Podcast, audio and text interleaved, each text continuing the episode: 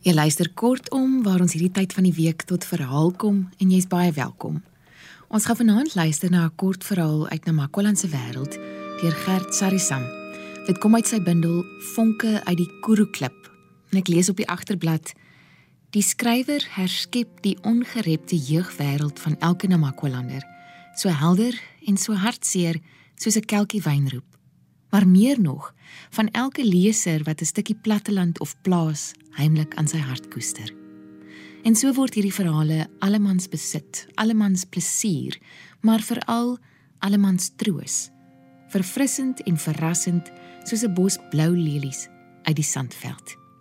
So skryf Marina Leroux, resensent en boekkenner op die agterblad.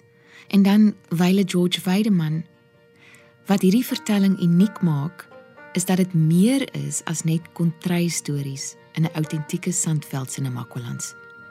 Dit is herinneringskuns met 'n besonderse invalshoek.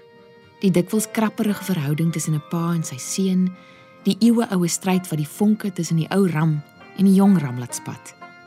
Maar deernis ontbreek nooit in die stryd tussen korrelkop en korrelkop in 'n ongenaakbare, afgesonderde landstreek nie. Vanaand gaan nog 'n oud Namakwalander, Richard van der Westhuizen, die storie lees en Gert Sarisam noem dit die invul van pa se eerste belastingvorm.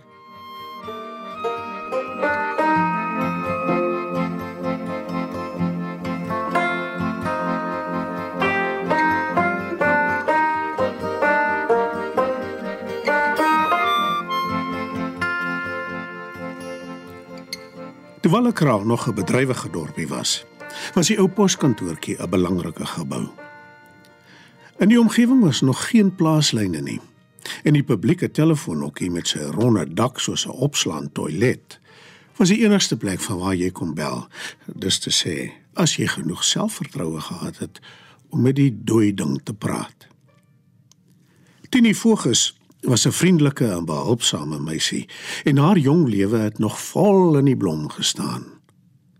Sy het in die beknopte poskantoortjie gewerk en was 'n voorslag wat jou ywerig gehelp het as jy 'n telegram wou wegstuur. Daardie jare is alle dringende boodskappe, soos 'n doodstyding of jou fees se markuitslaa, per telegram aan jou gestuur. Geliefdes was soms lankal begrawe teen die tyd dat jy eendag die telegram by die poskantoor kry. Jy het die pos oor die toonbank ontvang en dit kon die snaakste adres denkbaar wees, maar solank daar PK Wallekraal gestaan het, het Tini gesorg dat die geadresseerde dit kry, want sy het almal persoonlik geken. Sy was ook die een wat jou met die telefoon gehelp het as jy iewers heen wou bel of 'n pakkie wou wegstuur. Aan die einde van elke maand was daar ook 'n paar briewe met kontantnote wat mans vir hulle vrouens huis toe gestuur het. Alles het veilig ongeregistreerd daaraan gekom en Tini het gesorg dat hulle dit kry. Antlinkie, Umbertus Blokkie se vrou, wou eendag vir haar dogter Mita 'n bont rokklap wat sy by die smous gekoop het stuur om vir haar 'n mooi rok te maak. Mita en haar man het in Amerika gebly, waar hy met 'n beurs van die Oakkeep Copper Company gestudeer het. Die beurs is aan 'n Makwalandse studente toegeken op voorwaarde dat hulle vir 'n paar jaar vir die maatskappy moes kom werk. Die oorseegaanery het almal aan die praat gehad want niemand van ons het 'n idee gehad waar Amerika is nie. Ons het gemeen dit lê net hier agter die blou waterrand. Die posgeld vir die roklap was egter 3 keer soveel as die lap self. En Antlinkie het maar die plan laat vaar. Volgens haar was die posmense mos bedemmet in hulle se koppe om soveel geld vir 'n simpel roklap te vra. Die roklap wat hulle nie kon wegkry nie, was vir Antlinkie 'n teleurstelling. En sy het begin wonder of die kinders daar ver oor die water genoeg kos het en of hulle nie dalk 'n vleiserigheid moet stuur nie. Hulle het hulle hansvark geslag, een van sy ribbes winddroog gemaak en dit in 'n wit gaasdoek toegedraai. Oom Bertus het die Saterdagmôre vroeg sy twee karperre ingespan. En toe Tini die poskantoortjie oopsluit, staan hy met die toegeknoopte sloopie voor die deur. Na hulle gegroet het, sê Umbertus: "Jong, jy moet tog vanmôre hierdie varkkrib toemaak en vir Mita wegstuur, want ons wonder of hulle nie hoeke al vleis honger is nie." Hy haal die verkrekelde papiertjie met Mita se adres uit sy onderbaadjie se sak en stoot dit saam met die sloopie oor die oopklap toonbank. Hy moet maar self die adres vir my opsit want dit is alles Engels. Tini bel te vir oom Lukie Neut, die posmeester op Garris, om haar nood te kla en raad te vra. Oom Lukie het weer op sy beurt die Kaapse kantoor geskakel en na rukkie teruggeskakel met die ontstellende nuus dat geen rou vleis buiteland toe gestuur mag word nie. Umbertus het ongeduldig voor sy perrekar gestaan en wag, maar in die oggendstilte kon hy elke woord van Tini se gesprek hoor. Toe sy die gehoorbys ophang, stap Umbertus in. "Jong, wat smaak jy vir my die mense is volstrond? Jy moet bly wees Linkie het nie self saamgekom nie. Anders sal julle algar vanmôre moes nou loop." Hy het die sloopie vis gevat en gebrom. En dan vreet ek homself op. Maar ek weet Lentjie sal nie tevrede wees nie. So is hom Bertus daar weg.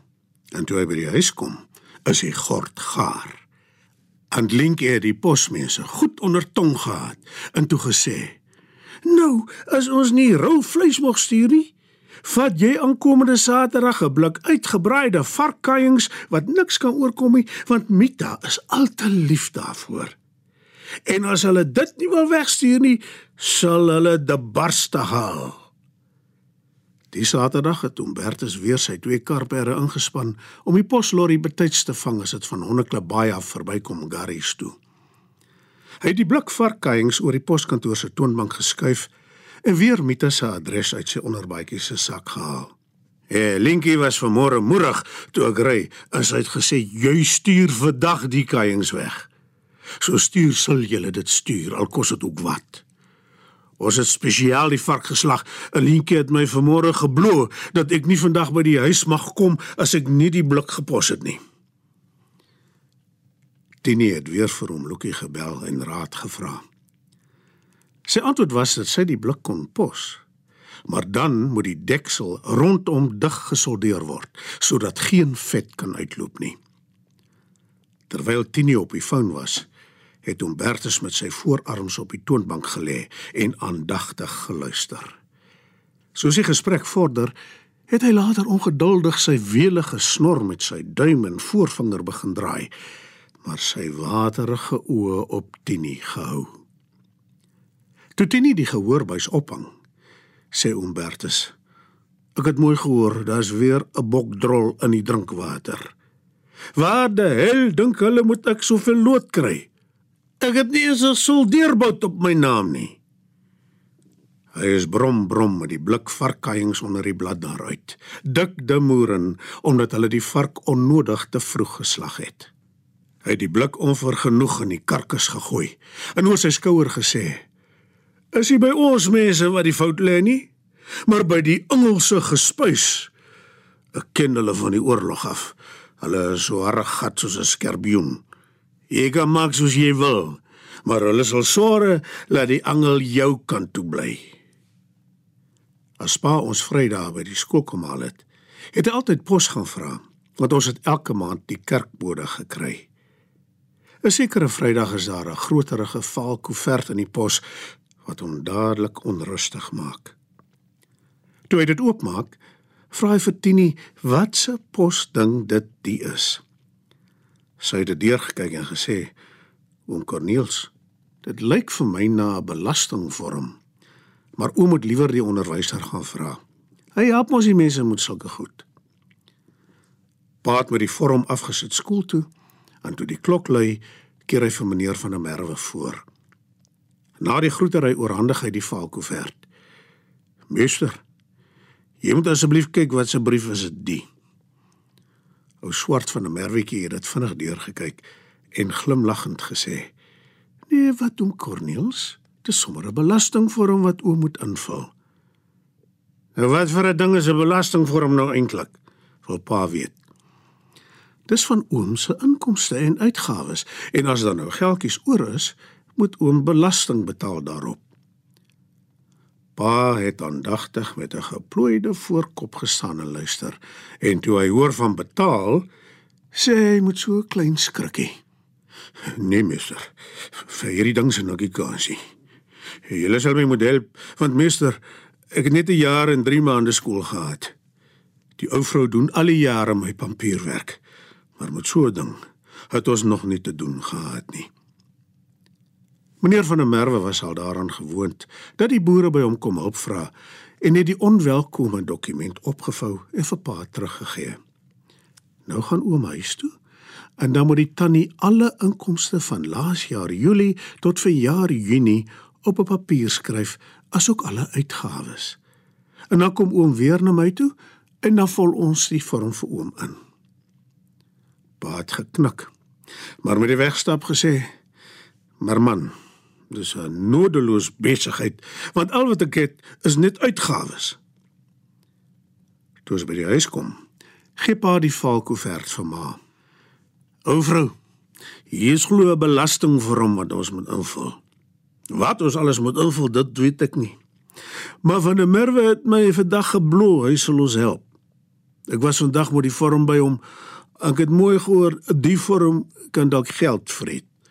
So jy moet die hele jaar se goeders op 'n papier sit sodat ek dit vir hom kan vat. So het ma alles deurgegaan en so deeglik moontlik op 'n skryfblokblad neergeskryf.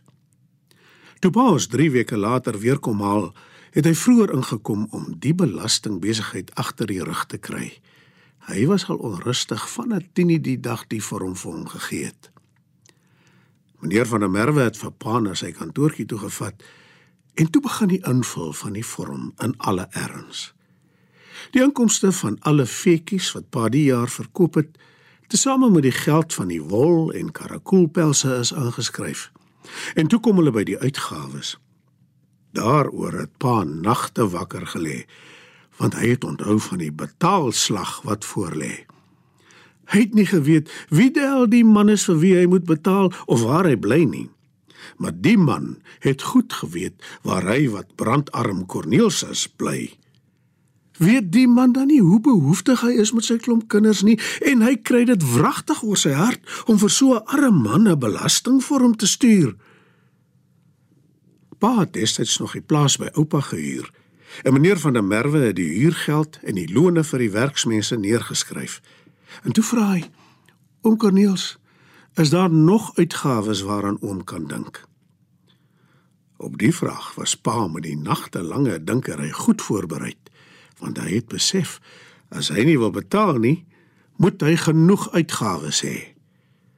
Hy het begin uitgawes aframmel. Dit was goed op dreef Toe van der Merwe benoud sy hand opsteek en hom stop. Magies om Corneels. Die belastinggaarder sal mos vra van wat lewe die man dan? Dis toe dat pa onvergenoeg vorentoe buig, met sy hand op die tafel druk en vir van der Merwe in die oë kyk. Meester, skryf vir hom. Soos ek hier sit, is ek honger.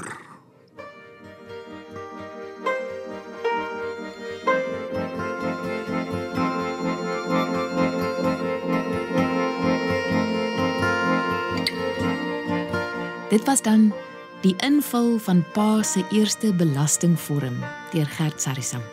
Richard van der Westhuizen het dit gelees. 'n Mooi aand vir jou. Tot volgende keer.